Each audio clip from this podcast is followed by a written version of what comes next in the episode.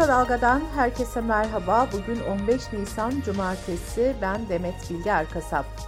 Gündemin öne çıkan gelişmelerinden derleyerek hazırladığımız Kısa Dalga bültene başlıyoruz.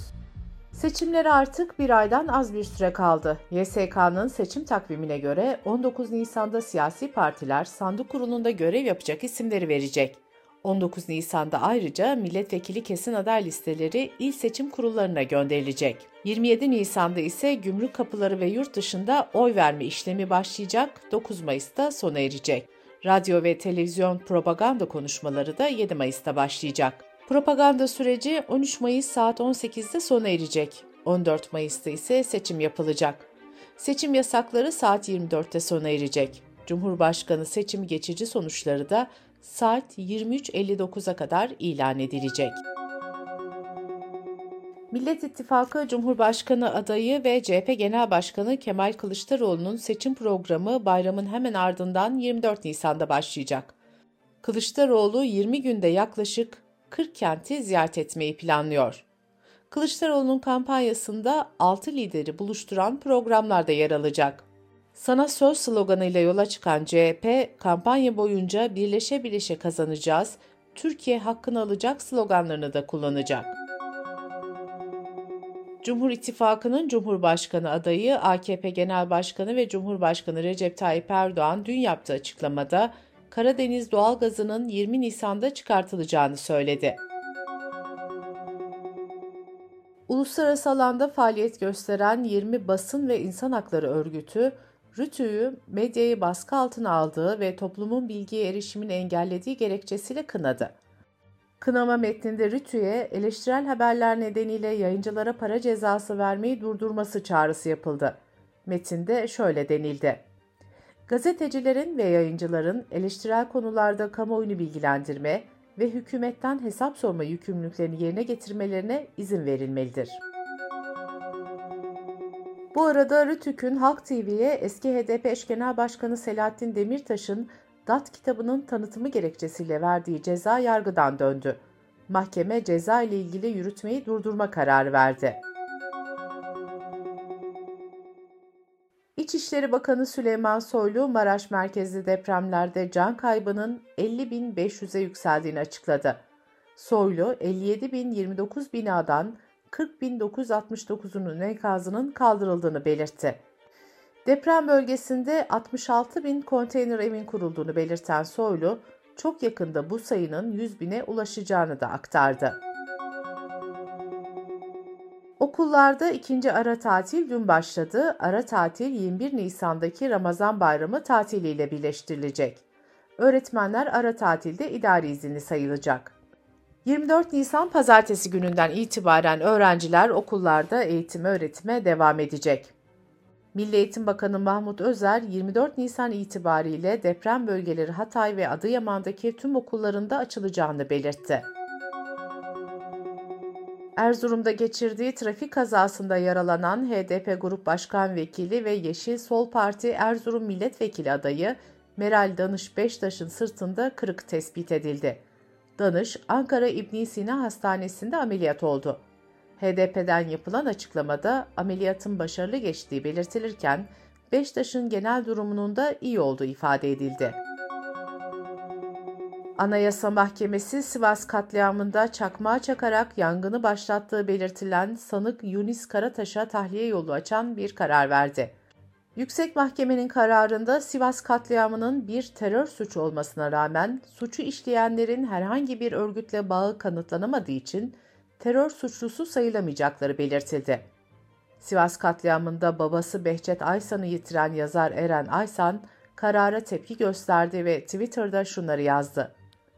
Sivas'ta katliam yapanlar terör suçlusu sayılmaz, bu ülkenin şairini yazarını öldürenler aklanır.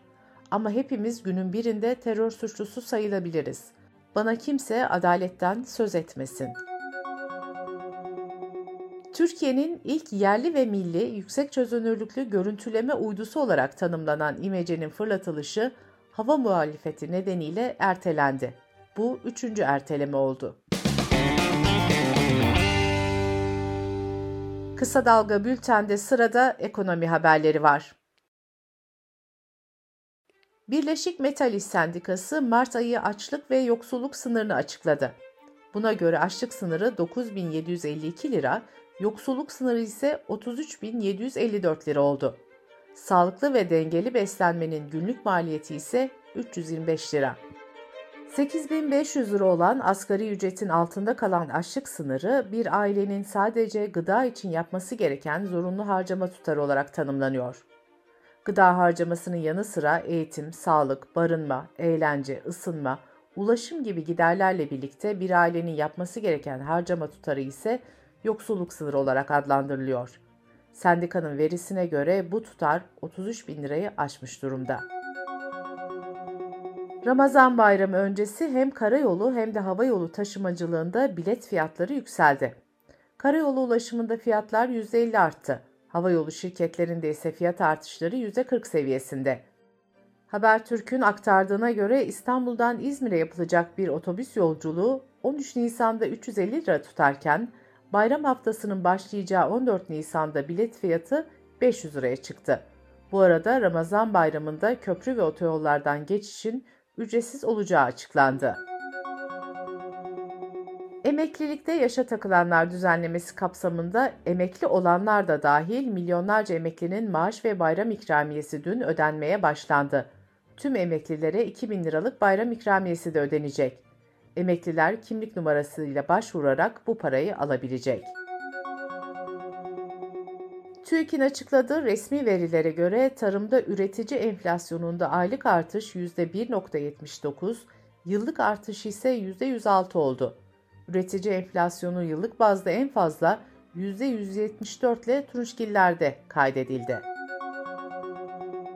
Merkez Bankası'nın net rezervleri 3. haftada da gerilemeyi sürdürdü. 3 haftada rezervlerdeki düşüş 7 milyar dolara ulaştı. Swap hariç net rezerv eksi 47 milyar dolar, brüt rezervde 121 milyar dolar oldu. Dış politika ve dünyadan gelişmelerle bültenimize devam ediyoruz. Dışişleri Bakanı Mevlüt Çavuşoğlu, Mısır'la Türkiye arasındaki normalleşme sürecine ilişkin yaptığı açıklamada iki ülke liderinin görüşmesinin çok gecikmeyeceğini söyledi. Amerika'da Pentagon'dan sızdırılan belgelerle ilgili bir kişinin gözaltına alındığı açıklandı. Şüphelinin Hava Kuvvetleri Ulusal Muhafızlarında görev yaptığı belirtildi. Mart ayında çoğu Ukrayna Savaşı ile ilgili istihbari bilgileri içeren belgeler sosyal medyada yayılmaya başlamıştı. Pentagon, yayılan bilgilerin bazılarının manipüle edilmiş olduğunu açıklarken, ABD savunma kaynakları belgelerin büyük bölümünün Şubat ve Mart aylarına ait günlük bilgileri içerdiğini belirtmişti. ABD casusluk yasası uyarınca gizli belgelerin ifşası suçu için 10 yıla kadar hapis cezası öngörülüyor. Avrupa Birliği Rus ordusuna paramiliter güç sağlayan askeri şirket Wagner'i yaptırım listesine aldı. AB konseyinden yapılan açıklamada Rusya'nın Ukrayna işgalinde Wagner'in aktif rol oynadığı kaydedildi. Yaptırım listesinde yer alan kişi ve kuruluşların AB ülkelerindeki mal varlıkları donduruluyor. Seyahat yasağı getiriliyor ve AB'deki herhangi bir kişi ya da firmanın bu kişilere fon sağlaması yasaklanıyor. Avrupa Birliği, Ukrayna işgali nedeniyle geçtiğimiz yıl Rusya'ya karşı ard arda 10 yaptırım paketi kabul etmişti. Norveç Dışişleri Bakanlığı Rusya'nın Oslo Büyükelçiliğinde görevli 15 diplomatı istenmeyen kişi ilan etti. Norveç Dışişleri Bakanı, Rusya Norveç için en büyük istihbarat tehdidini oluşturuyor dedi. Katar, Suriye ile ilişkilerin normalleşmesi yönünde adım atılabileceği iddialarına ilişkin açıklama yaptı. Katar Başbakanı Al-Sani, normalleşme söylemlerinin spekülasyon olduğunu belirtti. Katar Başbakanı, Suriye'de gerçek bir siyasi çözüm olmadan Katar'ın normalleşme tutumunda bir değişiklik olmayacağını vurguladı. Kuzey Kore, katı yakıtla çalışan kıtalar arası bir balistik füzeyi ilk kez başarıyla denediğini açıkladı. Yetkililer füze için bugüne kadar geliştirdiğimiz en güçlü füze, nükleer saldırı düzenlememiz kolaylaştı, dedi. Katı yakıtla çalışan füzeler sıvı yakıtla çalışanlardan daha tehlikeli görülüyor. Zira bu füzeler çok kısa bir süre içinde fırlatılabiliyor. Saklanmaları ve taşınmaları da daha kolay. Almanya bugün son 3 nükleer enerji santralini daha kapatarak nükleer enerjiye veda etmeye hazırlanıyor. Ancak toplumda bu konuda fikir ayrılığı var. Alman Kamu Yayıncılık Kuruluşu ARD'nin yaptırdığı ankete göre Almanların %59'luk çoğunluğu nükleer enerjiden vazgeçilmesinin yanlış bir karar olduğunu savunuyor. Ankete katılanların %34'ü ise bu adımı destekliyor. Yeşiller seçmeninin %82'si, Sosyal Demokrat Parti seçmeninin %56'sı hükümetin nükleer enerjiyi terk etme politikalarını destekliyor. Hristiyan Birlik Partileri seçmeninin %83'ü ve Almanya için Alternatif Partisi seçmeninin de %81'i hükümetin bu adımına karşı çıkıyor. Dünyada ötenazi uygulamasını kabul eden ilk ülke olan Hollanda'da 2002 yılından bu yana çaresiz hastalığı olanlara belirli koşullar altında ölme izni veriliyor. Hollanda hükümeti şimdi de dayanılmaz acı çeken ve iyileşme umudu olmayan 12 yaşından küçük çocuk hastalara ötenazi hakkı tanımaya hazırlanıyor. ABD'nin Teksas eyaletinde bir süt çiftliğinde meydana gelen patlamada yaklaşık 18 bin inek öldü. Yetkililer patlamanın metan gazı nedeniyle meydana geldiği ihtimali üzerinde duruyor. Bültenimizi kısa dalgadan bir öneriyle bitiriyoruz. Kısa Dalga'dan Yeşim Özdemir, Sinepod Podcast serisinde Cannes Film Festivali'ne katılan ve festivalden ödülle dönen yerli filmleri anlatıyor.